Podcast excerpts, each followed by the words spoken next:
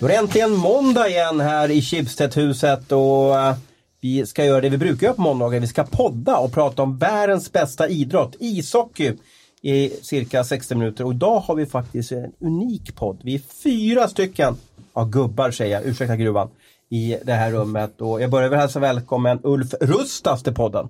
Tack så mycket. Och varför är du här och vem är du? Jag är här för att prata om Stockholmsishockeyn eh, och eh, jag jobbar som sport och föreningsutvecklare på Stockholms Hockeyförbund och även ansvarig tjänsteman för våra, våra TPUK-lag både på pojk och flicksidan. Du, eh, är det din podddebut? Det är första gången det är podd. Är du nervös? Du har svart t-shirt på dig så dina svettringar kommer inte synas här.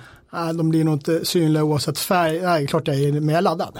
Jättekul att här. Vi ska börja med att starta med prata med SHL, sen går vi över och pratar om ungdomsidrott, Stockholms problematiken och ett nytt projekt som är på gång Ulf. Tellan, du har varit uppe i Dalarna och, och Mm. insupet Dalaluft. Eh, Du ser, Ja. du ser pigg ut. Jajamän, fått friskt vatten. Inte så mycket Mälarvatten i, i mina lungor nu och magen utan jag var på Tomteland utanför Mora faktiskt då och härjade med barnen. Så att det var en kall dag men väldigt, väldigt kul. Sen har vi succéspelaren från förra måndagen. Gruvan är tillbaka. Also known as eh, Jonathan Nilsson. Hur, hur har din helg varit? Vi, vi har jobbat samma pass här så vi har suttit 20 timmar tillsammans under helgen här. Ja, nej, men det, det var kul. Mycket hockey. Vad, eh, om du lutar tillbaka lite nu, vad tyckte du var helgens snackis inom, inom, i Hockeysverige? Ja, det, det var väl kanske Oskarshamns nya kollaps. Eh, vad, vad blev det? Var det 06 efter första perioden där och de hade ju 07 mot Färjestad tidigare och det här var ju alltså mot, mot HV.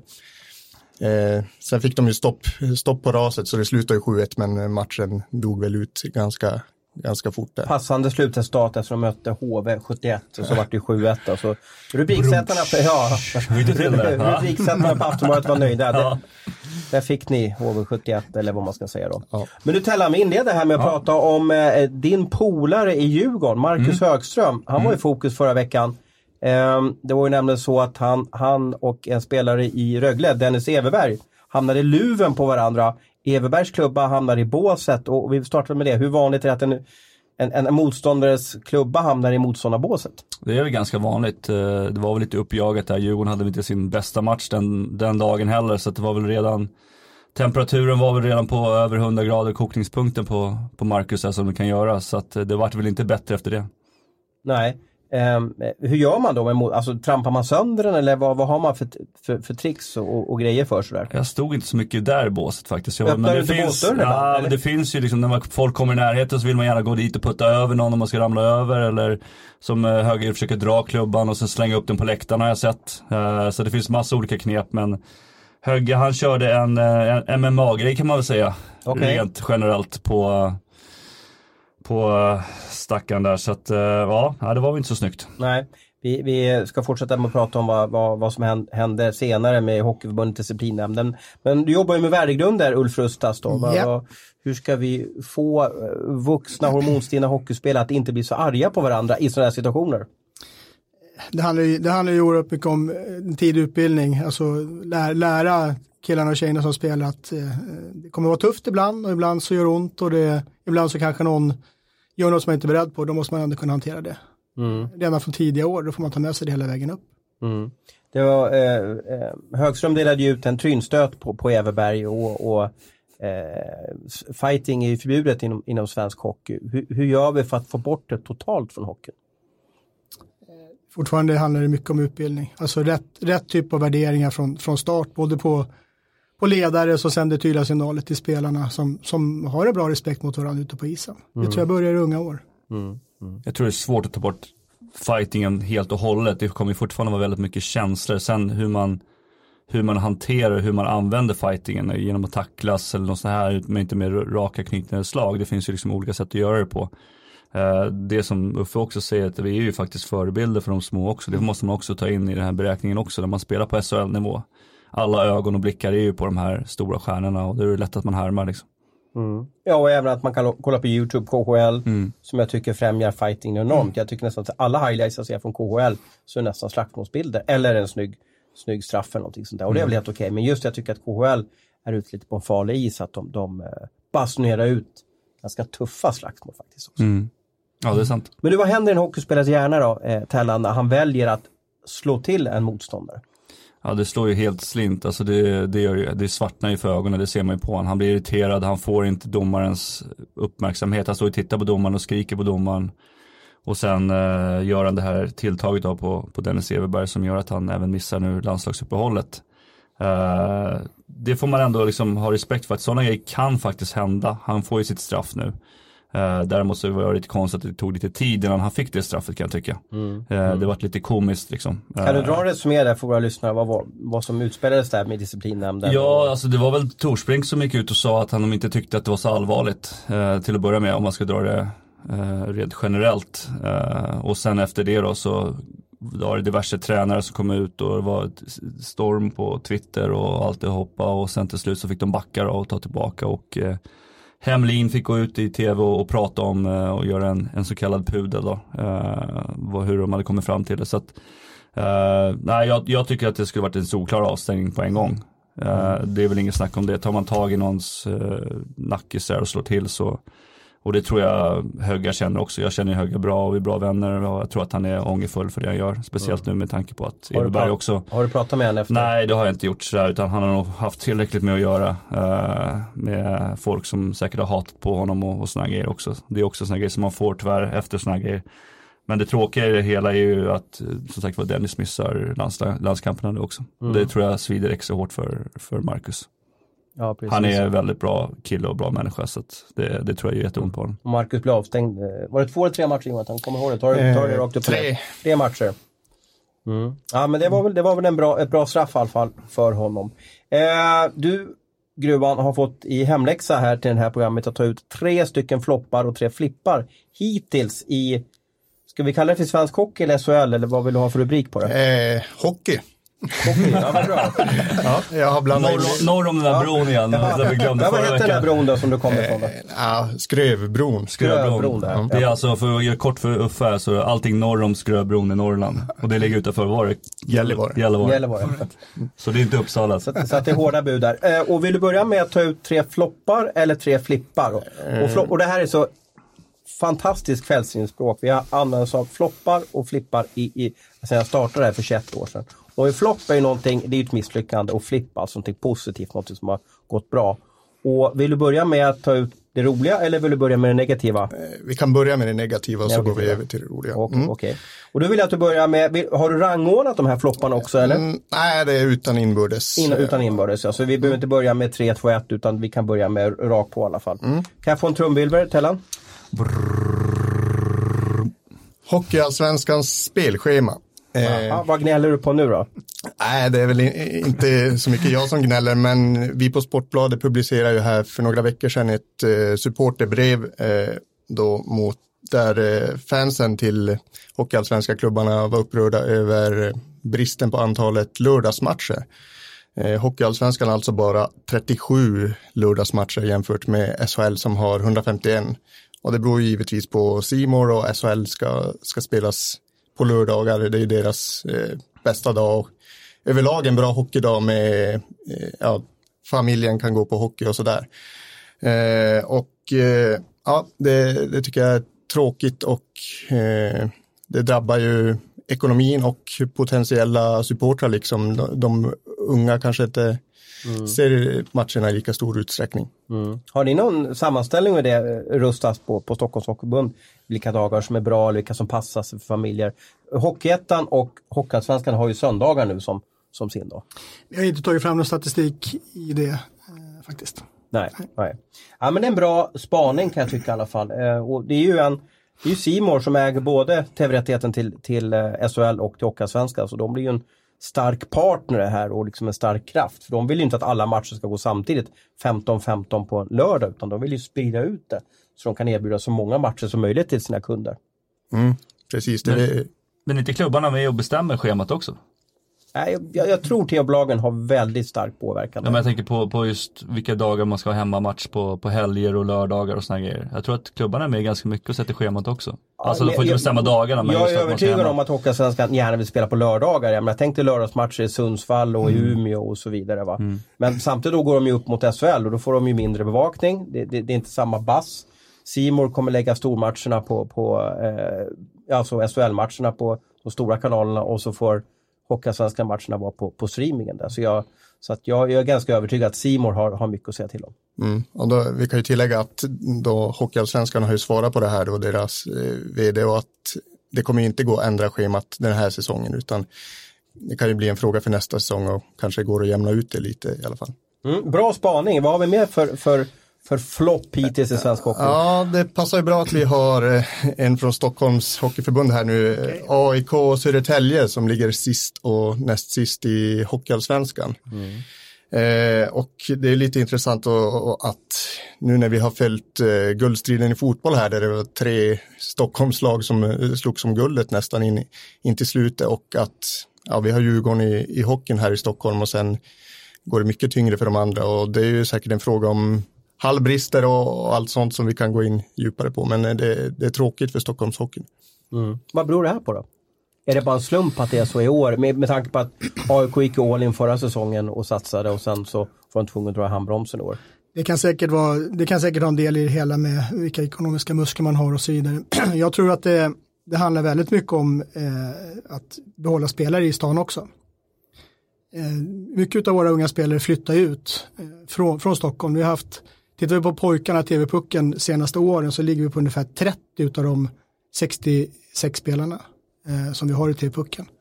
Som flyttar ut. Per år menar Per du? år. Ja. Till andra, Hälften till drar vidare distrikt. till Jönköping, Örebro, ja. Linköping, ja, Skellefteå precis. och så vidare. Och där har vi en jätteutmaning att, att skapa miljöer i Stockholm som man vill stanna i. Och där, där är ju bland annat Hockeyettan en viktig eh, spelare för att, för att ha, ha kvar dem och ha någonting att sikta på. Eh, fler platser på nio kanske. Det är ju svårt, det är både Skolverk och Svenska Hockeyförbundet som är med där och eh, styr det. Eh, och ni är ju alltså på... de nationella hockeygymnasierna? Ja, precis, mm. nationella hockeygymnasierna. Vi, vi tittar också på att utveckla de, eh, de underliggande, alltså en annan typ av hockeygymnasium med lite färre poäng och så vidare. Vi gör dem högkvalitativa för att få fler att stanna kvar. Men det kan vara en av orsakerna till att det är längst upp eller näst längst upp så som i AIK att vi har mycket spelare som lämnar. Ett annat problem är ju de här division 1-klubbarna som är ute i landet också. De har ju faktiskt... Hockeyettan-klubbarna. Ja, hockey, precis, förlåt. Precis. Det var riktigt att säga rätt. Ja. Uh, de ger ju faktiskt helt okej löner för vissa spelare också, vilket mm. Stockholmsklubbarna inte har. Det har ju som Hudiksvall, de har ju liksom bra löner. Uh, även i, i, i, Småland så finns det också väldigt många klubbar som där mm. de tjänar helt okej, kan liksom livnära sig nästan på, på hockeyn, vilket Stockholmsklubbarna inte har råd med. Det har en annan grej också som, som spelar in. Mm. Ja, intressant.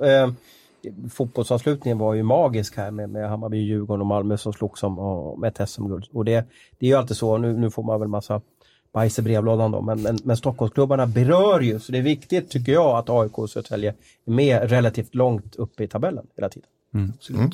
Ja, då har vi en till flopp här innan vi går över till den positiva sidan. Ja, eh, det mesta är väl sagt redan, men jag kände att jag var tvungen att ta med eh, Damkronornas bojkott här på, på en flopp över den här hockeyhösten. Eh, tråkigt att det ska behöva gå så långt. Men idag samlas de ju faktiskt i, i Falun för ett landslagsläger och är igång igen. Mm. Eh, du har blivit vår, vår, vår, eh, vad ska man kalla det för, tjejhockeyexpert eller damhockeyexpert här Tellan. Vad, vad, nu när det har, liksom, har rökt fredspipa, vad, vad, har allting, vad har det blivit för effekt av allting? Nej, men jag tror att tjejerna är nöjda i alla fall eh, med vad, vad de har fått igenom. Eh, jag tror att det handlar mycket om att bara bli sedda. Uh, sen om man har bonusar hit eller dit utan uh, ja, det, det, är väl det liksom, den inputen som jag kan ge nu liksom och, och nu gäller det för tjejerna att eh, jobba ihop här nu som, som ett lag och försöka få dem att gå upp i, i A-gruppen igen, vilket jag tycker att de ska klara av. och sen kan man börja ställa ännu mer krav kan jag tycka på saker och ting, hur saker och ting ska vara. En annan grej som det här med vilken utrustning man ska ha i, i landslaget och sådana grejer också. Det behöver inte herrarna ta på sig samma sätt som, som damerna har. Eh, det är en grej som jag vet att de tittar på lite närmare. Men äh, det är kul att det är löst. Äh, vi hoppas att vi får ett eh, starkt damkronorna här framöver också. Um, jag satt och ringde i morse på en, på en sån här liten frågeställning jag hade angående Filip Samuelsson. Ehm, han ska ju träna med Tre Kronor några dagar den här veckan på grund av att de saknar en back och han är alltså då född och uppvuxen i, i Nordamerika. Det är Ulfs grabb då. Så jag var tvungen att fråga om han, om han fick spela landskamper för, för, för, för Tre Kronor.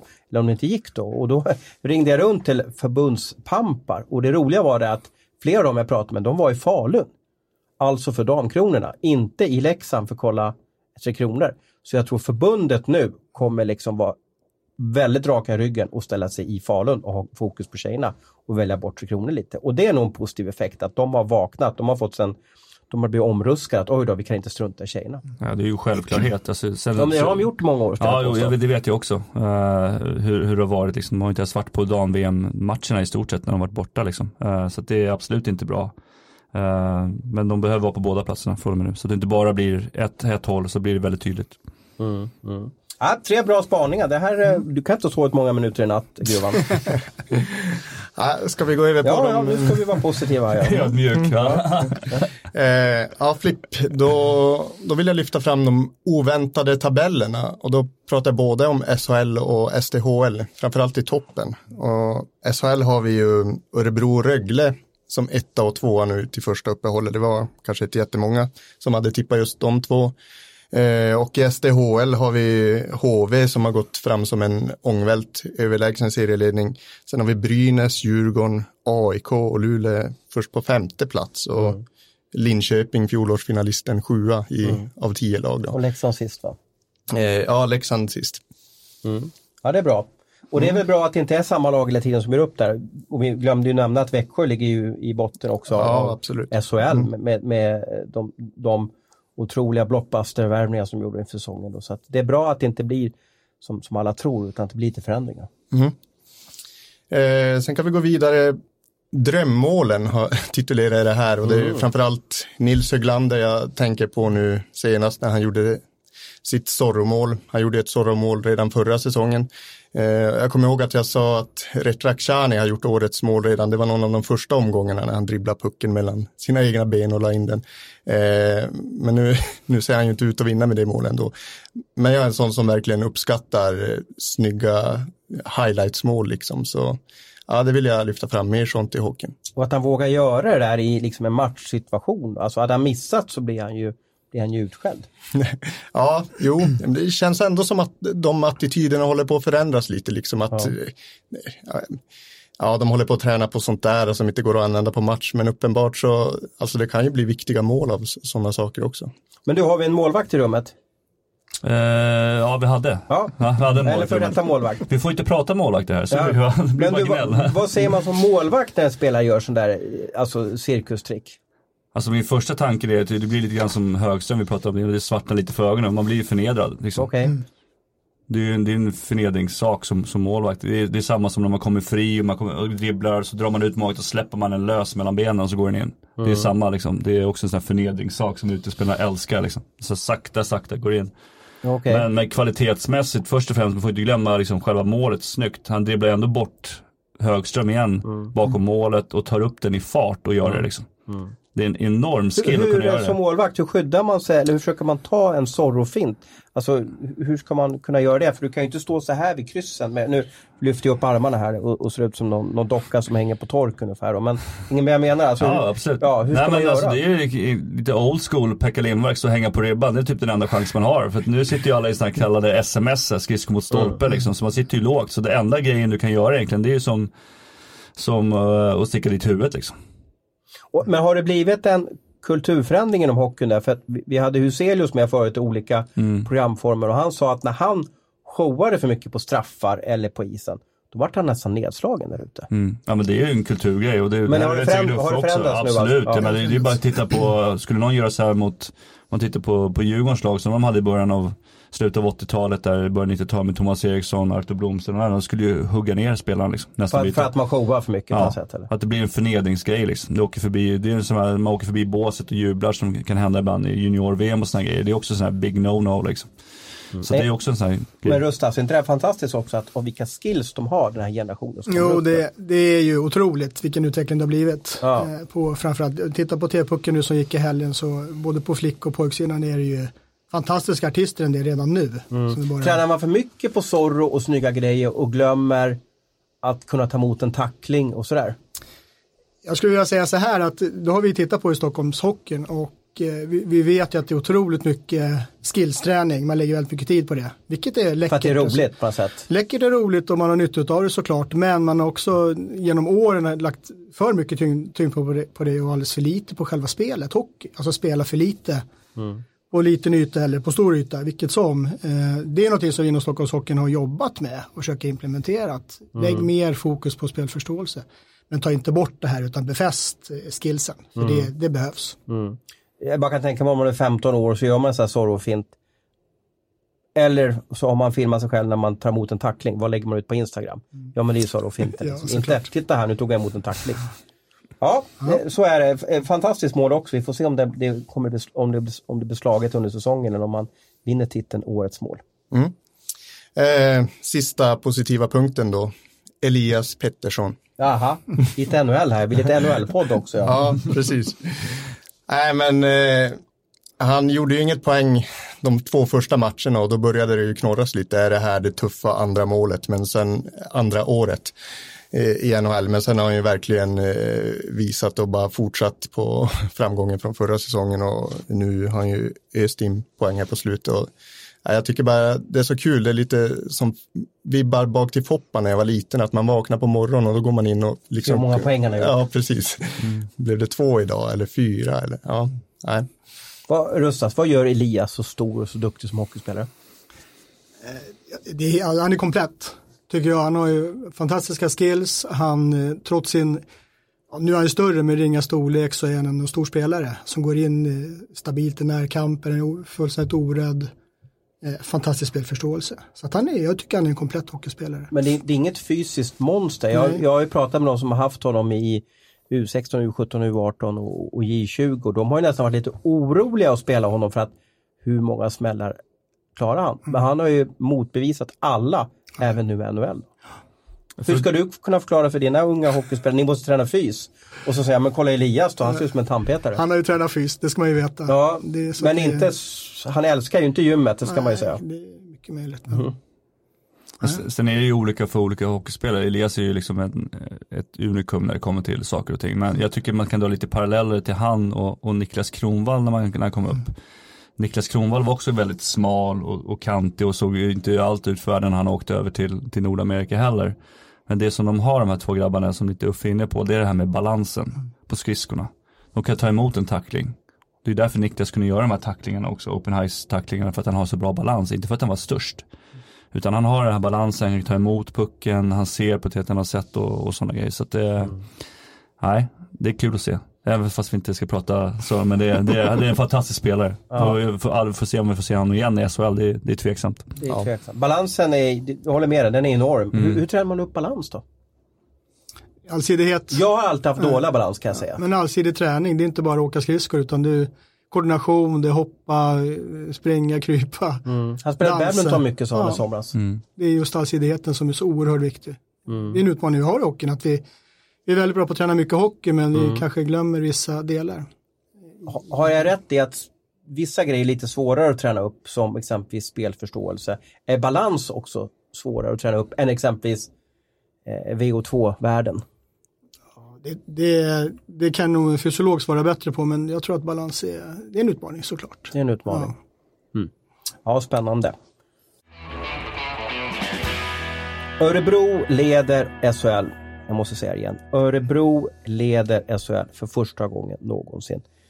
Jonathan, vad, vad är det som händer i, i, i Närkes eh, eh, residensstad? Vad, vad gör de så fantastiskt duktiga på hockey just nu att de är bäst i Sverige?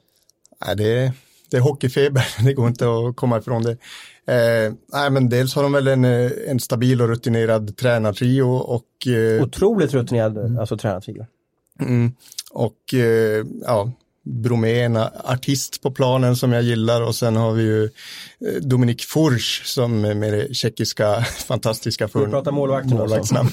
det var inte jag. Det var inte jag. Du kommer inte på mig den gången. Nej, men, men eh, det, det, sägs ju att man ska ha en bra målvakt för att kunna gå långt och, och eh, jag, jag, är imponerad av han. Sen kan säkert Tellqvist flika in kort kanske vad, vad det är som gör han så bra. Har du koll på Antellan eller? Ja, men jag har sett honom lite grann och det är ju så. Uh, vill man gå långt och, och, och, och vinna mästerskap och ha en jämn bra serie så behöver man en, en bra målvakt. Men eh, jag, jag är lite mer inne på, på ledartrojkan där faktiskt. Mm. Uh, det, är- det är lite skillnad på vissa spelare från förra året. Men när, när Jörgen Jönsson och de kom in förra året också så började de vända trenden också. Att de började vinna matcher även förra året och höll sig kvar. Mm. Så att jag tror att de har burit med sig det. Eh, ledarskap kan man inte, det är så enormt viktigt med ledar, bra ledarskap. Mm. Du kan ha ett superlag och ändå liksom eh, inte vinna på grund av att en ledare som är inte tillräckligt bra. Mm. Har dina vägar korsats med Niklas Eriksson, Rustas? Med, nej, Niklas nej, Eriksson? Niklas Nej. är inte faktiskt. Nej. Inte. Jag känner ju honom lite och han är ju så här ytterst noggrann med allting. Du vet, väger mat, Mm. man ska ut och cykla så ska cykeln liksom förberedas i, i timmar innan han ska cykla och så vidare. Jag, jag tror att när han har det här laget i Örebro så, så liksom han, det är nog en manisk precision som han liksom vill, se till att ingenting, ingenting eh, lämnas åt liksom någon chans. Och det tror jag spelarna gillar på ett sätt att de blir märker att oj, han har koll på, han har koll på om jag fuskar när jag åker hemåt, han har koll på om jag åker vänster eller höger. Där och så vidare. Ja, men det är väl samma som, som många frågar varför kan Roger Rönnberg vara kvar så länge i Frölunda liksom. Han har ju vunnit allting men jag hörde på en annan podd där på, på vägen hit och pratade de lite grann om att de vann ju Champions Hockey League förra året, de vann SM-guldet men de förlorade Strömstad-cupen. Är du med? På träningsgrejen. Du vet, de vann inte serien. Du vet, det finns alltid någonting mer att vinna liksom. Och den mentaliteten smittar ju av sig på, på alla spelarna. Eh, du har ju Jörgen Jönsson som har vunnit allt och lite till. Också med vinnarmentalitet. Han vet ju vad som krävs. Och då är det lätt som spelare att säga, ja men okej om han säger så, då, då borde det vara så liksom. Tror du Örebro kommer hålla i, i topplatsen eller, eller kommer de falla i mörka november och mörka december? Ja, de kommer nog falla lite grann, men jag tror inte de kommer falla lika långt som så många experter tippar dem innan, innan säsongen började på en tionde, elfte plats. Det tror jag inte, det kan jag inte se med deras spel och deras, eh, deras målvaktsspel. Det är väl om, om Dominic blir skadad då kanske som, som det kanske kan hända någonting. Eh, om det händer någonting där. Eh, men annars så då ser det väldigt stabilt ut. Så att kanske att de kan sjunka till topp top 6 kanske, någonting Mm. sådär som det ser ut nu. Jag satt och, och gick igenom vår hockeybibel som vi gjorde inför säsongen Jonathan. Och eh, du var ju med och tippade eh, SHL. Ja, Eh, ja, kommer det. ja. Jag tror vi var åt, åtta stycken av de som är så kallade experter här på, på, på Sportbladet som tippade eh, serien. Och den som hade eh, tippat Örebro högst, eh, kan du gissa vem det var Jonathan? Marcus Leifby kanske. Nej, nej, nej, det var faktiskt han som pratar just nu. Men, om man ska vara stolt av. Men jag hade tippat, jag hade tippat Örebro på en nionde plats. Alla, alla andra, jag menar eh, Wennerholm, eh, Abris, grattis på 50-årsdagen för övrigt Abris, eh, eh, har tippat dem från plats 10 och ner till plats 14. Så snacka om att vi gick tok bort oss där. Ja, verkligen. Vad gick du på då? Dalarna-anknytningen eller Leksand eller det? det? Ja, Jag tippar serien, det är, väl, det, är ju, det är ju ganska svårt. Jag tror de flesta tog Växjö, Luleå, Frölunda topp bara för att det är liksom säkra kort. Örebro blir ju sånt här lag som Brynäs kanske, ja men vad ska man lägga dem? 8, 9, 10 eller någonting. Eh, Jag, jag, jag hade ju förmånen att intervjua Niklas inför säsongen och satt väldigt länge med honom i intervju och jag, man bara älskar det man hör, att han är så eh, e, enormt begåvad människa eh, som ser medmänniskor. Vi ska prata om det senare, vi pratar om, om eh, med Stockholms Hockeyförbund, om värderingar, hur man blir bra ledare och så vidare. Och jag tror han är urtypen för att vara en, en, en ledare och en chef där de två titlarna samverkar i, i en perfekt funktion. Om ni hänger med jag pratar. Det är lätt att vara chef men det är svårare att bli, bli ledare. Ja, vi övergår till eh, det som många kanske ser fram emot, kanske inte Mikael Tellqvist men en quiz. Och här är det alltså tre stycken tävlande, det har vi aldrig haft heller. Och då gör vi så här Rustas att eh, nu måste du faktiskt ha din mobil framme. Alltså, Har, har han numret eller ger vi ger honom inte numret? Jag, jag, Vi ger honom inte numret. jag vill inte säga numret rakt ut där så jag måste skriva upp mitt nummer här. Det blir så dumt, då kanske man får massa konstiga sms på lördagar från ja, några hockeysupportrar. Du skulle inte gjort någonting. Det var roligare. Jag tror Uffe är favoriten här inne. Jag tror det. Ja, det tror Förra jag också. veckan vann ju Skönt. då Fick du Gruvan. Ja. Jag gick stenhårt på röda tröjor i Almtuna. Ja, det fanns inte så många andra röda lag att välja. Nej, precis. Så det kunde varit de två. Kan du läsa mina hieroglyfer här? jodå. Ja. Eh, och nu gör vi alltså så att det är som på, på, på spåret-temat. Jag börjar med fem poäng, går ner till ett poäng. När du kan rätt svar så skickar ett sms till mig. Och du har ju bara ett svar att kunna ge. Eh, det vill säga chansar du på fem poäng så är du borta sen då. Är det några oklarheter? Nej, jag är med. Nej. Och vi har alltså en ny säsong, vi har genomfört en quiz och den leder just nu eh, Jonathan Nilsson. Sen får vi diskutera om Abris får ta över dina poäng här, eller om vi petar Abris med. Vi får se vad vi gör nästa vecka. Kan Vi vinna hela säsongen ändå på de här tre poängen. vi kör igång. Eh, vi eftersöker en ishockeyklubb. Fempoängsnivån bildades i maj 1970.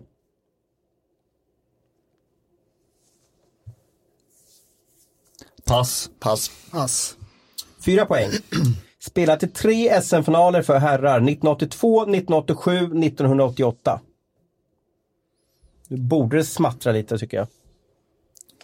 Du vaken Tellan? Jag vågar inte chansa. Vågar du inte det? Pass. Pass på den. Nej men herregud, det här måste ni kunna. Nu vart jag besviken. Ja, det är lätt. Jag ska, jag ska inte sitta och säga här. Det är, det är lätt stöddigt så att säga. Förlåt. Jag vet det själv när man är pressad och stressad. Eh, tre poäng. Hans Jax och Petter Rönnqvist har spelat i klubben. Så även Mikael Hjelm. Nej, Pass. vänta. Ska jag skicka till dig nu alltså? Ja, ja. Vi har fått svar från... Eh, från eh, vänta nu har, du, nu har du skickat Ja, många jag svar. Tellan. första. Ja, men, ja, det får vi ta med... med, med eh, Ja, men jag skickade fel. Vadå skicka fel? Jag skickade fel. Ja. Eh, har vi svar från eh, eh, Ulf också eller? Ja, jag har skickat. Okej. Det har inte kommit fram än. Flexibility is great. That's why there's yoga. Flexibility for your insurance coverage is great too. That's why there's United Healthcare Insurance Plans. Underwritten by Golden Rule Insurance Company, United Healthcare Insurance Plans offer flexible, budget friendly coverage for medical, vision, dental, and more. One of these plans may be right for you if you're, say, between jobs, coming off your parents' plan, turning a side hustle into a full hustle, or even missed open enrollment. Want more flexibility? Find out more about United Healthcare Insurance Plans at uh1.com. Okej, vi har fått två svar, eller tre svar för Tellqvist skickade, skickade två svar. Jag skickade Eh, vi kör tvåpoängsnivån då. Eh, för eh, Jonathan har inte svarat och vi har även lyssnare som vill vara med hela vägen till målet. Inte spelat i högsta ligan sedan 2001. Nu är laget nära igen. Då blir Lisa Mikowski glad. Jag eh, skickar in ett svar här. Precis, vi har fått svar från samtliga tävlanden och eh, ettpoängsnivån är eh, enligt följande. Bildades av en sammanslagning eh, genom IFK Umeå och Sandåkens SK. Vilken klubb är det vi söker Tellan? Björklöven. Björklöven ja. Eh, vi har fått rätt svar från två av våra tävlanden. Eh, eh, Ulf tippade på Leksand. Du gick borta på Hans där eller? Det var det jag gissade på. Ja, precis, precis. Ja. Eh, så att vi har fått två rätt svar. Eh, jag ska vara helt ärlig, jag fick alltså två stycken svar av dig Tellqvist. Ja, men jag hade bestämt mig för det första sen skulle jag ändå gå in och ändra och då lyckades jag trycka iväg det första. Men du, du får göra som du vill, det är okej. Okej. Ja. Eh, Rustas, du får vara domare här. Vad tycker du? Han gav alltså två svar, ser ut så här. Vad tycker du? Ska vi vara snälla mot honom eller, eller, eller är det liksom lackkort ligger? Vilken bra kille, jag tycker du kan ta det där första, översta. Ja, men det var ju fel svar, Modo. Det var just därför. Ja, okej, ja, ja, ja, visst, ja, okej. Jag kan ta den. Ja, okej. men eh, då, då lyssnar vi på gäst och, och du får bestämma. Så att, eh, jag, jag, vi ska nolla Tellan i år, det är det som är grejen. Du gillar ju nollor, gör du Ja, inte? precis, precis. Så det var alltså Jonathan som vann den här veckan igen då. Gratulerar! Ja, Jag tack. Men jag tycker ni är hård mot Tellan. Han, han, han sa ju det innan vi gick vidare till nästa nivå. Vilket svar som gällde. Norrlandsfolk Ja, kan man lita på. ja. Det var ju också Lite hårdare ett, klimat det var ju också det ett svar, ett svar per tävling.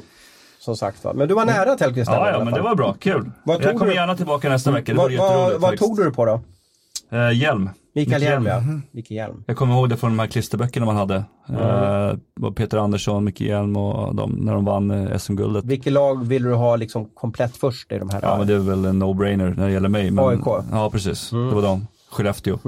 eh, och sen, eh, nej jag kommer ihåg dem. Jag är så synd att jag har kastat dem där. Tänk om man kunde Ja, bläddra jag dem. tror alltså. farsa kan ha dem hemma, så han är ju sån här, eh, samlar på allt. Eller Ta med dem så kan vi kolla. Se och, Ja, jag ska kolla om de, ja, om de är kvar. Ja. Här, och jag tror 85, 86 tror jag. Var första jag började samla. Man fick ett tuggummi och såna här klister, klistergrejer. Känns som, så gammal är jag allihopa. Då ska vi övergå till eh, kvällens eh, eh, huvudämne, eller dagens huvudämne och det är därför du Ulf Rustas är här. Du jobbar ju på Stockholms Hockeyförbund och just nu så genomför ni ett projekt för att, ja, jag lämnar över eh, ljudet till dig. Vad är det ni vill göra, vad vill ni uppnå och, och, och varför gör ni det här?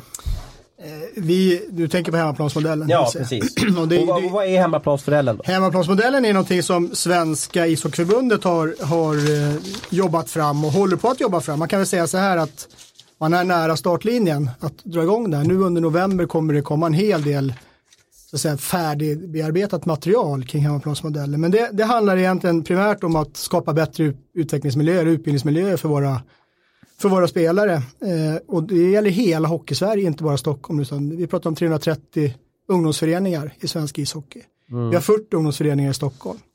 Och det är vi i särklass störst på i det här landet och det är störst med. Eh, och egentligen så här, hemmaplansmodellen handlar om en, en, man pekar ut en riktning på hur man vill att ja, miljöerna där vi utbildar våra hockeyspelare ska se ut. Mm. Och då pratar vi inte om det som är på isen, eh, innanför sargen utan det som egentligen handlar om det som är utanför isen. Mm. Miljöerna med, med allt från språkbruk till eh, att man verkligen ser människan. Eh, föräldrar trivs, ledare trivs, ledarskapet är, är, man jobbar i ledarskapet så att det ska hjälpa till att skapa de här bra miljöerna. Mm. Är, det, är det ett problem idag? Alltså är det lite knackigt där ute? Det är väldigt mycket jakt för att skapa tidig, tidig framgång på många. Så man, man tror man ser redan 12-13 års ålder när, när en spelare är, eh, ja, är bra då, att det är den som ska bli bra. Medan man, eh, man glömmer bort att alltså man söker talanger istället för att utveckla talanger kan man säga. Är det föräldrarna som har jakten eller är det barnen som har jakten? Mest, mest föräldrar och till viss del ledare. Det är ofta samma sak också. Ledare, mm. Det är föräldrar, föräldrar som är ledare för sina, mm. sina barn och kompisar. Mm. mm. Och du har kommit hit som en effekt av att du och, och Mikael Tellqvist har börjat jobba lite ihop. Ni jobbade även ihop i, i samband med hockeygymnasiet i Järfälla för mm. 20 år sedan. Ja, det var nog ja, ja, Micke, Micke gick nog 95 till 98 när jag var instruktör. Ja, mer än 20 år sedan. Mm. Precis. Och vad, du, du jobbar ju med Värmdö Hockey då? Mm, TT-styrelsen där och ja. utvecklingsansvarig just nu och tillförordnande. Så Och när du hör vad Rustas pratar om då, hur ska du liksom då se till att det, det funkar i, eh, ja, i Värmdö och vad ska du göra för att, för att få killarna och tjejerna att stanna i Värmdö och inte skriva på för mm. Bo, Djurgården, AIK, Hammarby och att de ska triv, trivas då? Vad, vad, vilka riktlinjer får du från Ulf här? Ja, och det ska jag säga att vi har fått jättemycket bra riktlinjer från Stockholms eh, ishockeyförbund. Eh, det var en nyhet att det liksom var så här bra stöttning får man lov att säga. Så att, eh, det ska de ha all cred för och vi kommer behöva stöttning också för att göra den här förändringen ute hos oss på, på Värmdö, Värmdö Hockey. det, är, det är gamla kulturer som sitter i väggarna och sådana grejer som, som behöver förändras. men det vi vill göra från vårt håll är att, att skapa bra ledare har vi bra ledare så tror vi att barnen kommer stanna längre och utvecklas och ha roligt och bli, och bli mm. bra människor först och främst och sen även bra hockeyspelare. Mm. Uh, jag vet ju också hur det ser ut på andra sidan Atlanten om man, om man nu vill sikta hela vägen bort dit. Att är det två bra spelare som är ungefär jämbördiga i poäng och ena en skitstövel inte sagt så kommer de alla dagar i veckan välja en andra. Eller om det skiljer poängmässigt också. Så att, det är enormt viktigt också hur vi utbildar våra, våra barn i de här miljöerna. Mm. Men Ulf, de här äh, föräldratränarna då, hur, hur, ska vi hjälpa dem? Då? Är det fler kurser eller, eller hur, hur kommer det konkret fungera att, att hemma, hemmamodellen blir trevligare att vara i? Hemmalagsmodellen är framtagen både för, för eh, förening och det, det handlar ju väldigt mycket om att de som är ledande, alltså styrelse, sportchefer och så vidare, att de är väl insatta i, i vad modellen syftar till och, och ja, hur vi ska jobba med den. Mm. Det är också en, en, eh, direkt koppling till, till ledarskapet, till tränarna framförallt. Men mm. hela, ledar, hela ledarskapet, eh, förståelse för, för att bra saker tar lång tid och så vidare. Det som är bra med hemmaplansmodellen det är ju att det är, den, den bygger på evidens. Det här är ingenting som några kloka har slagit i hu huvudet ihop och kommit på utan här har man tänkt till hela vägen med, med stöd av forskning på alla möjliga nivåer. Mm. Allt från fysisk, eh, psykisk utveckling och så vidare. Mm. Så att det ska vara, och det ska vara ett enkelt material, stödmaterial för att uh, kunna jobba med, med att bygga de bra miljöerna. Som Micke sa, att bygga människan, inte hockeyspelaren, utan det får komma med tiden. Mm. Är det inte svårt att ställa krav på de här äh, föräldratränarna med, med, med mammor och pappor som har heltidsjobb och mm. så ska de liksom försöka sköta ett, ett, lag sen efter en lång arbetsdag och så ska man orka vara trevlig mot föräldrar, man ska mm ta hand om barn, se barn. Är inte det, är inte det tufft? Det är dem? klart att det är tufft men då kan man samtidigt säga så här att om de lägger ner den tiden som de gör, eh, men gör det med lite mer förståelse för vad de håller på med och vad resultatet blir. Det kommer inte ta någon mer tid för dem. Utan det, det handlar ju mycket mer om att ha, ja, det är ett mindset, ett ställningstagande till att jag har faktiskt tagit mig an den här uppgiften att, att utbilda och utveckla barn och ungdomar och då ska jag göra det på ett, på ett sätt som, som blir så bra som möjligt för de här så länge som möjligt. Sen tror jag som, som förening kan man ställa krav på sina ledare också att de ska gå visst antal utbildningar också för att det gör, Kan man det verkligen? Ja men det tror jag att man kan. För att de, de flesta ledarna som jag möter i alla fall, de vill gå utbildningar. De vill vara bra ledare för sina barn. De vill ha de här kunskaperna. Och det kan vara allt ifrån kanske att man får någon kurs i hur hanterar man barn med, med ADHD eller hjärnskakningsmodeller eller vad som helst. Att man får liksom en grundinsikt i vad det, vad det kan vara. Då tror jag man kan möta barnen på ett helt annat sätt och se, se barnen och få barn mer aktiva så vi märker att barnen är inte lika aktiva nu. Kan vi få barnen mer aktiva i föreningen under en väldigt lång tid så har vi gjort någonting bra. Inte att vi skapar mer NHL-proffs för det kommer vi få i vilket fall som helst. Ja, jag, jag fick ju en, eh, ett manus av dig här eh, inför eh, det här, den här podden och det var en uppgift som jag hajade till på. Det var att, och det handlade väl generellt om, om, om idrott då. Det är att, kan det verkligen stämma att 11,3 år är snittåldern när barn slutar organiserad idrott? Det är ju hemskt. Det är, det är ju, för att prata klarspråk, det är ju för jävligt. Ja. Det, var då, det var ju då jag började spela hockey. Och man skulle önska att det, nu, nu har idrotten utvecklats sen både du och jag och vi andra i rummet började idrotta, att man har mer organiserad träning tidigare, men jag håller med, man, man eh, exkluderar ju väldigt många genom att, att starta väldigt tidigt och ställa höga krav tidigt, vilket gör att en hel del inte ens kommer in i idrotten. Inte minst ishockey som är, som är ganska svår idrott, den är så komplex med allt från att komma upp på den här smala skenan till all koordination med klubba och, och puck och så vidare. Varför slutar barnen då? Ja, det, vi- det vet inte vi riktigt. Eh, Det, det är ju en utmaning som vi har att ta reda på det framledes.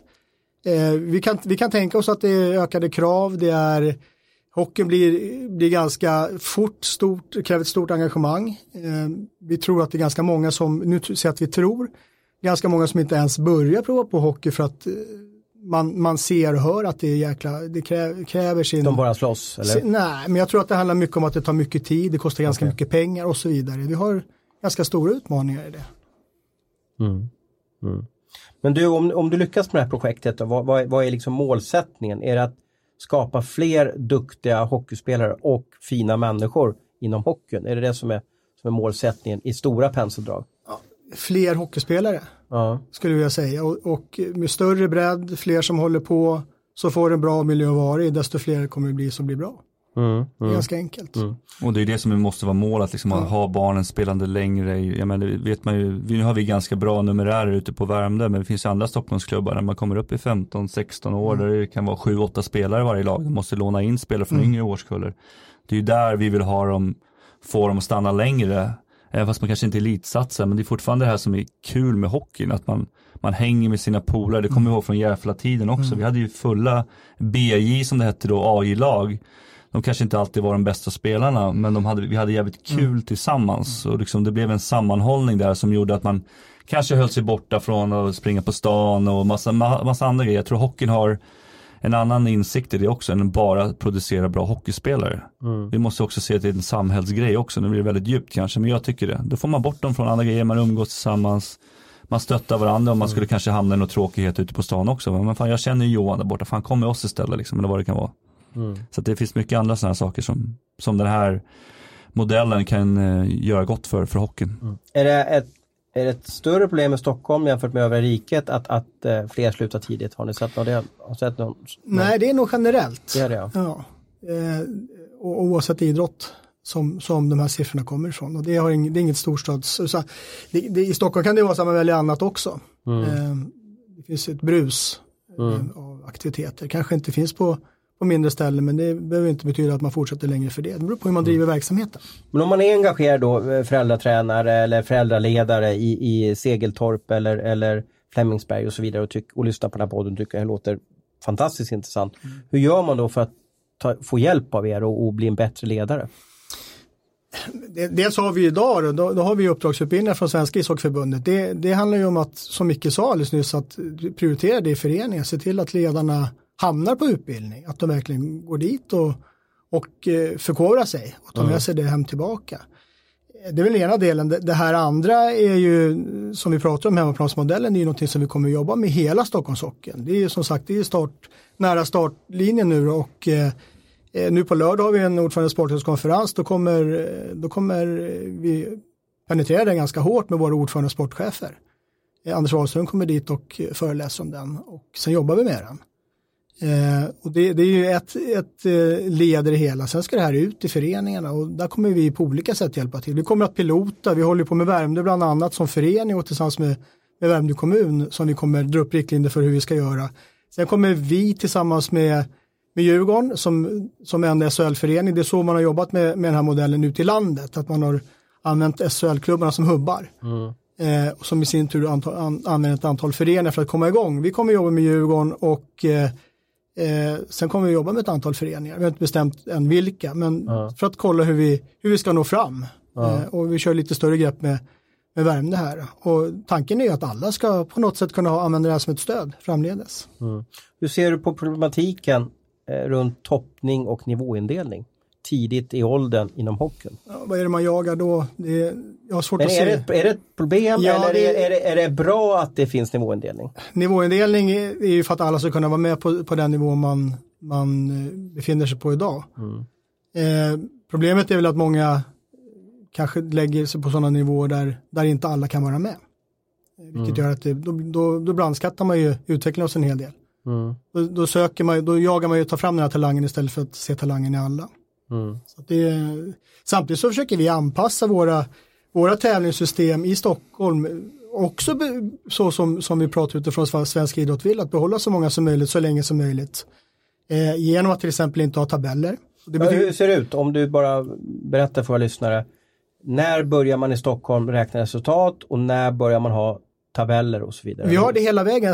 Alltså, tabellerna, så säga, tabellerna leder inte någon vart utan det vi gör det är att vi vi gör geografiska indelningar eh, från U12 och uppåt, eh, de som fyller 12 år alltså. Eh, och eh, eh, då spelar man en, en vända i de här geografiska områdena. Det blir ganska ojämna matcher om, om ett lag med väldigt bra spelare möter ett lag som ligger... Men står resultatet på mediakuben? Resultatet ska... finns med mm. och det ska egentligen bara leda till att man gör en så kallad hybrid, att man gör en omlottning där man mm. då sätter ihop de här lagen som är på samma nivåer. Men hur de tabellerna slutar kommer inte att spela roll nästkommande säsong, så som det gjort förut när det varit upp och nedflyttning. Mm. Så som man tävlar på seniornivå. Det gör vi inte på ungdom och det är för att vi ska kunna jobba med lite mer lugn och ro, inte ha så bråttom.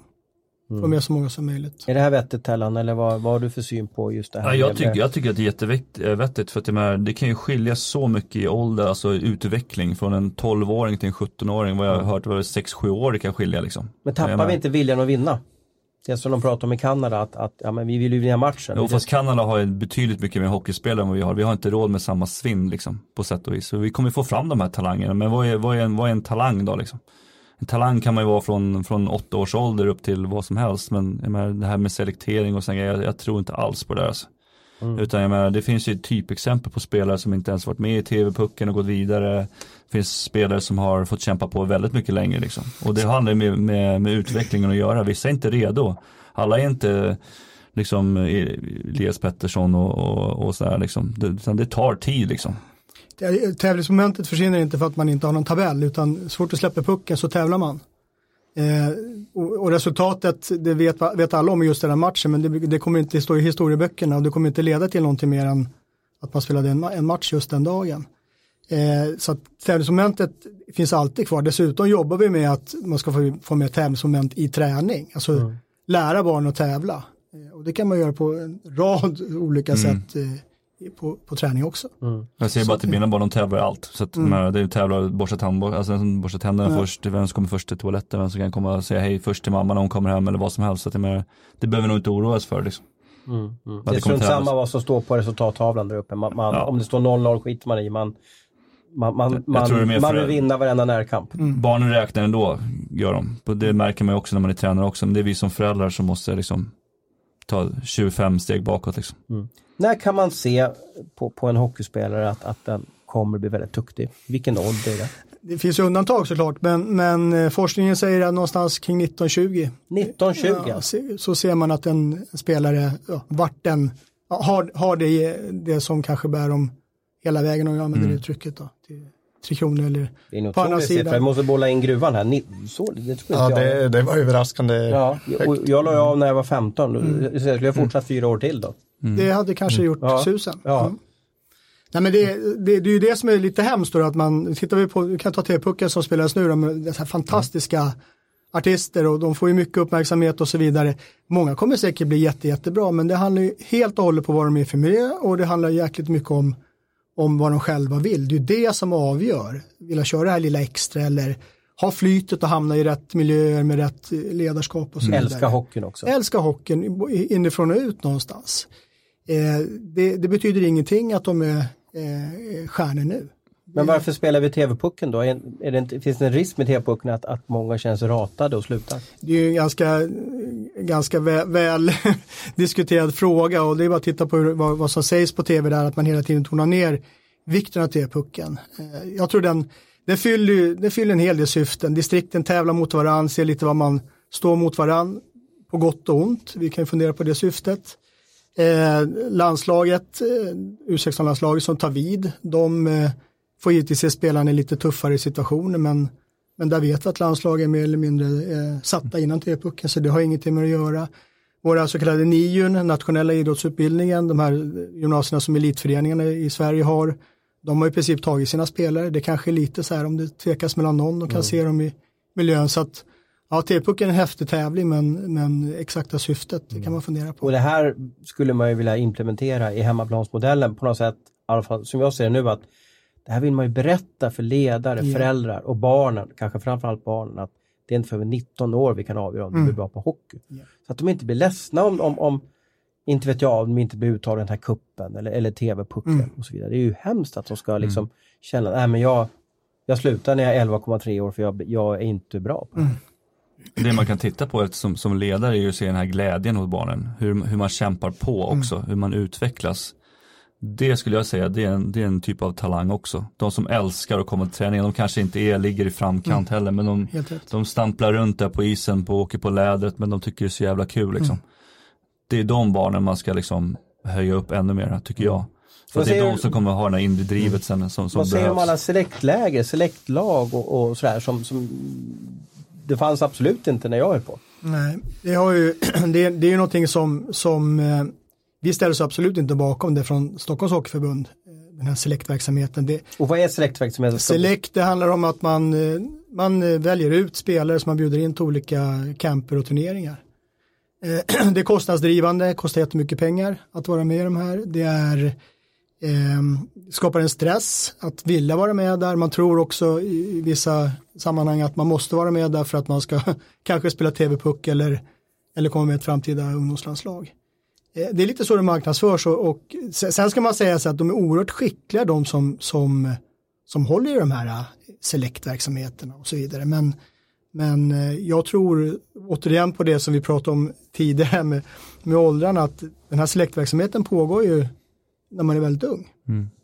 Och det, ju- det du får där, det, kan, det har du ju med dig, men det är ju det är ju inte det som betyder om, om du blir, om du kommer hela vägen eller inte. Sen är det här och nu man lever, såklart, och det är kanske det som många resonerar, men jag tror man skickar sina barn eller åker med sina barn på select för att man tror att det ska göra susen. Att det är ett måste också. Ja, lite grann så. Ser Så sina vi- barn som vi- pensionsförsäkring. Kommer du skicka dina ungar till selekt? Tellan? Nej, till hockeyskola om de vill gå. Eh, och jag funderar nästa år till exempel att skicka dem till någonting annat än, än hockey, hockeyskolor utan prova någon annan sport, friidrott, parkour eller vad det nu kan vara för någonting. För att få Elias Petterssons balans där. Ja men typ, alltså bara göra massa andra saker. För att jag menar, hockeyn är, de får tillräckligt med hockeyträning ändå som det är. Och börjar man köra hockey 12 månader om året, nej, för då tror, jag, då tror jag personligen att man kan få till exempel hockeyrelaterade förslitningsskador, att du gör samma övningar hela tiden liksom. Det är samma som om vi pratar målvaktsspelet igen, om man får gå in på det, liksom, att man ska träna sms eller vad det kan vara utanför isen också, man ska bli stark i vissa muskler som man använder mycket på isen och du sliter ju enormt på samma muskler då, då blir det 12 mål om året, du sliter på samma, samma eh, leder och saker och ting och det är därför vi har målvakter som är nu 16, 17, 18 som gör de här höftoperationerna. För att man har för tidigt specialiserat sig på att göra någonting. man kan träna kroppen på helt andra sätt också. Det behöver inte vara så specifika. Mm. Ja, bra input. Det måste vara perfekt att ha Tellan i Värmdö där. Mm. Som har en gedigen bakgrund både i Vi, Sverige. vi är många i Värmdö som brinner för det här, ska jag säga också. Så att det är inte bara jag med, med, med min hockeybakgrund. Det är lätt att göra det. Men vi har väldigt många duktiga i styrelsen som, som brinner för just människor. Liksom. Så att det, det ska sägas också. Vi kan prata om Stockholms Hockey lite ljust också då. Eh, Det, kan- det kanske är ljust om det, men, men vi har ökat antalet spelare i Stockholms Hockey med från, från ungefär 11 500 till idag 14 500 på senaste fem åren. Men är, är inte den siffran, eh, är det inte de som håller på med rekreationshockey? Har inte den ökat Nej. väldigt mycket? Eller har ungdomar ökat också? Det är ungdomar vi pratar Jättekul, om. jättekul. För jag trodde innebandyn gick som en komet där. Att den, men det är ju jättekul. Och, sen- och, sen vad beror det på då? Nej, men det beror, dels handlar det om nyrekrytering. att vi, vi får hjälp av, av eh, Svenska ishockeyförbundets rekryteringskampanj som varje år skickas ut inbjudan till, till hockeyskolorna runt om i, i landet och inte minst i Stockholm i det här fallet. Då, då. Eh, utöver det man gör som, som egen rekrytering. Det gör ju att de barnen som kliver in i hockeyskolan har ökat enormt mycket. Inte minst på flicksidan. Där är det, den stora potentialen finns ju där. Bara 6% av våra hockeyspelare, eller 10% ska vi säga, 6 i, i, i landsnittet, 10% av hockeyspelarna i Stockholm är tjejer, inte mer alltså. Det är vi bäst i landet på. Så det finns en enorm potential där. Ja, alltså Stockholmshockeyn är väl ledande i Sverige. Det var Ja. ju som du sa, tänk alla spelare som Stockholm fostrar och sen sticker ut på Mm. nio i, ut i landet. Vilket, vilket eh, landskap vann TV-pucken? Mm. Eh, U16-landslaget, kolla upp de här yngre landslagen. Stockholm dominerar ju oftast och Stockholm har ju en fantastisk eh, eh, utbildningsskola. Det måste det vara i alla fall. Mm. Men du, eh, hallproblematiken då? Det, det diskuteras ju hela tiden i Stockholm. Ja. Eller anläggningsproblematiken då? Hur, hur, hur illa är det? Eller, eller är det, vill man bara trycka på politikerna och liksom slänga in lite brasklappar att vi har ingen isyta? Eller hur, hur, hur ser det ut med arenasituationen i Stockholm? Eller fel, isytesituationen bättre. Ja, nej, men det finns otroligt mycket. Det här är en, en väldigt hög prioriterad fråga på Stockholms Hockeyförbund. Vi har en anläggningskommitté som, som jobbar jätte, jättemycket med påverkansarbete mot, eh, mot politiken och tjänstemän, inte minst i Stockholms stad där den stora problematiken är. Eh, ute i kranskommunerna så har man givetvis också stora, stora utmaningar och där hjälper vi också till med, med träffar och så vidare med, med kommunerna. Men vi kan säga så här att eh, Stockholms stad har vuxit med 30 30 procent men det har inte kommit till några nya, isytor. senaste- När är det senaste is? senaste är det husspel eller? Ja, det är nog den senaste hallen. va? Eh, det byggs en i Tyresö nu, men det byggs ju bara ut. Den gamla rivs, så det blir inga fler isytor. Aha. Okej. Så att, ehm, och, och intressanta siffror här. Vi har ju en, en jättegedigen undersökning att tittar man på Stockholms stad så har vi 11 ishallar, alltså i, i, i st- stadskärnan Och nu pratar så. Stockholm, inte Värmdö, Nej, Huddinge, utan bara Stockholms ja, stad, Stockholms alltså kommun. med, med de olika kransarna där. Och eh, det går 96 000 invånare per ishall i Stockholms stad. Eh, tittar man på Göteborg så är det 46 000 och Malmö 35. Mm. Eh, de tre största städerna, så där ligger vi ju skylångt efter. Eh, sen har vi lite utmaningar med att eh, har ju, vi hade Zinken som rasade förra året. Där har man gjort en, en ersättning genom att Kärrtorp har fått eh, tält. Så att, eh, det är ju en, så att säga, en ersättare men det är ingen ny isyta. Nej. Så att det, det är ju en jätteutmaning och vi vet ju också ur ur hälsoperspektivet där med skridskoåkning och, och så Mm. Vidare. luft. Frisk luft och allt vad det är. Så det finns ju, det finns ju flera aspekter som, som gör att vi driver de här frågorna. Och arenaproblematiken, fel, isyteproblematiken i Stockholm har diskuterats sedan jag började på Aftonbladet eh, när Sundsvall brann ungefär. Hur ska vi lösa den och vem ska betala för kalaset och på vilken mark, vilken tomtmark ska det här byggas? För när Stockholm är ju så, det är så dyrt hela tiden. Blir det. Det måste, det måste ju vara ett samarbete mellan, mellan eh, ja, de som har pengarna, Stockholms stad.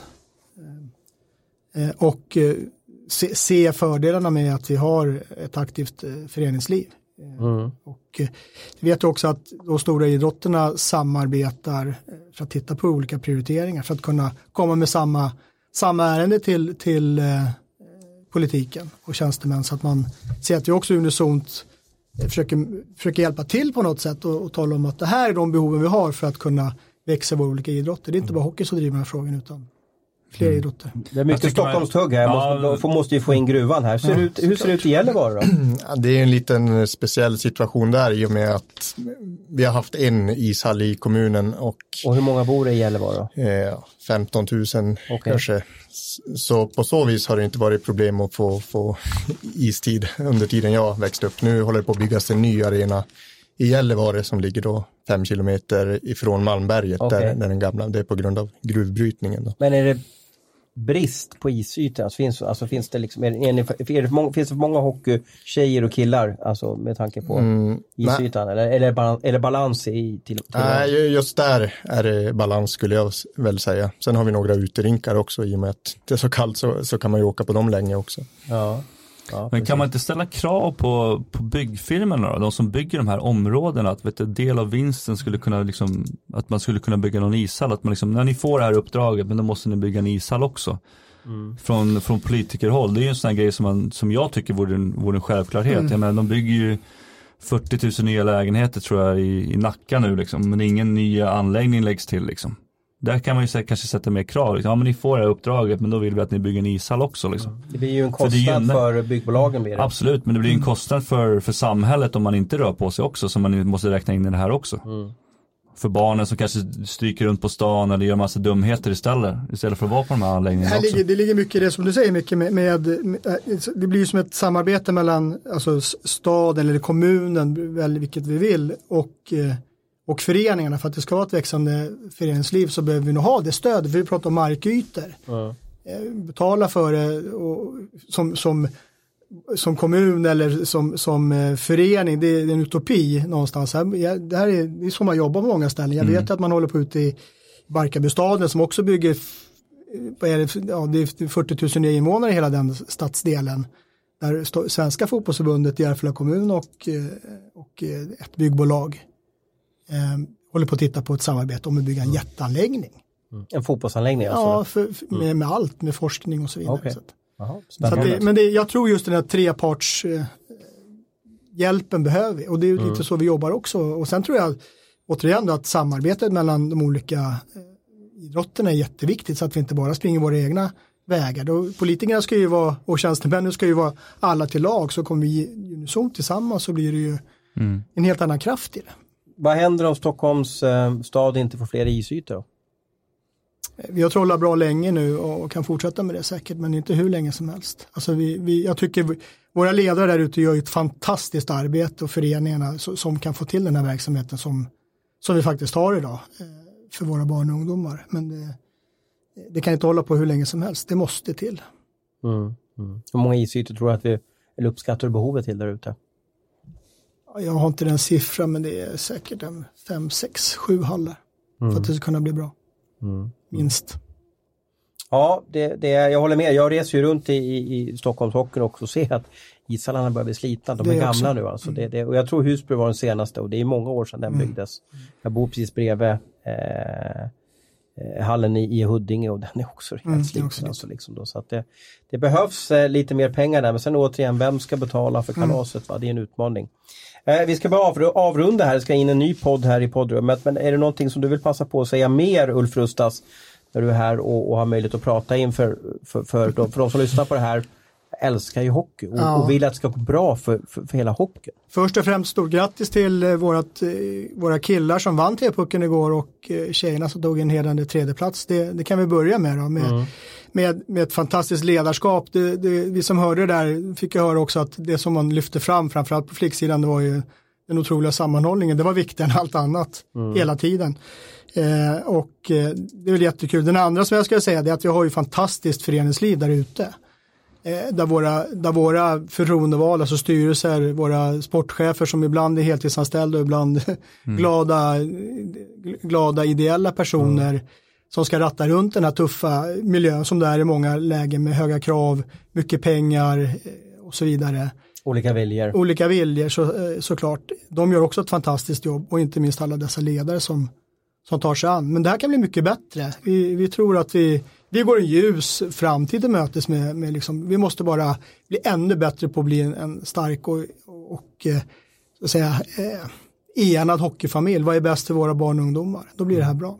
Jag tycker det är lite synd en sak om jag, jag, jag jobbar ju på en sportredaktion och jag sneglar ibland lite på hur fotbollen funkar. Mm.